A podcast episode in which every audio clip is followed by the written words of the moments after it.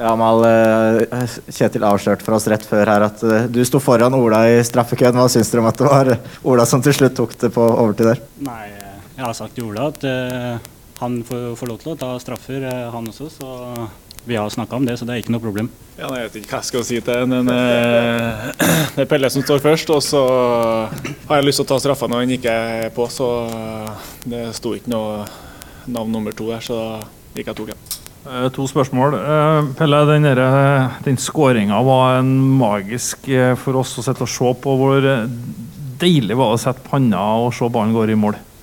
Nei, sånne skåringer er typisk Pellegrino. Eh, har ikke, nærmere 100 mål på hodet, så det er noe jeg har gjort mange ganger. Så, men det forarbeidet til gutta foran der, det er det som fortjener skryt, ikke, ikke den headinga.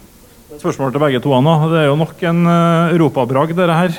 2-1 over Aset. Hva tenker dere, uh, dere om prestasjonen?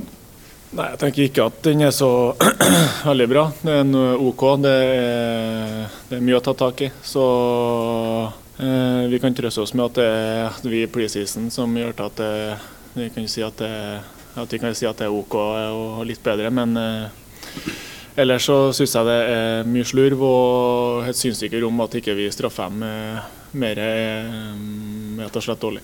Jeg er helt enig, eh, men så kan vi jo legge til at det er, eh, er sterkt å vinne på dårlige dager også. Og, i hvert fall når eh, vi spiller i Europa, så vi må ta med oss det òg. Men vi har mye mer å gå på, og det også er litt positivt i det her.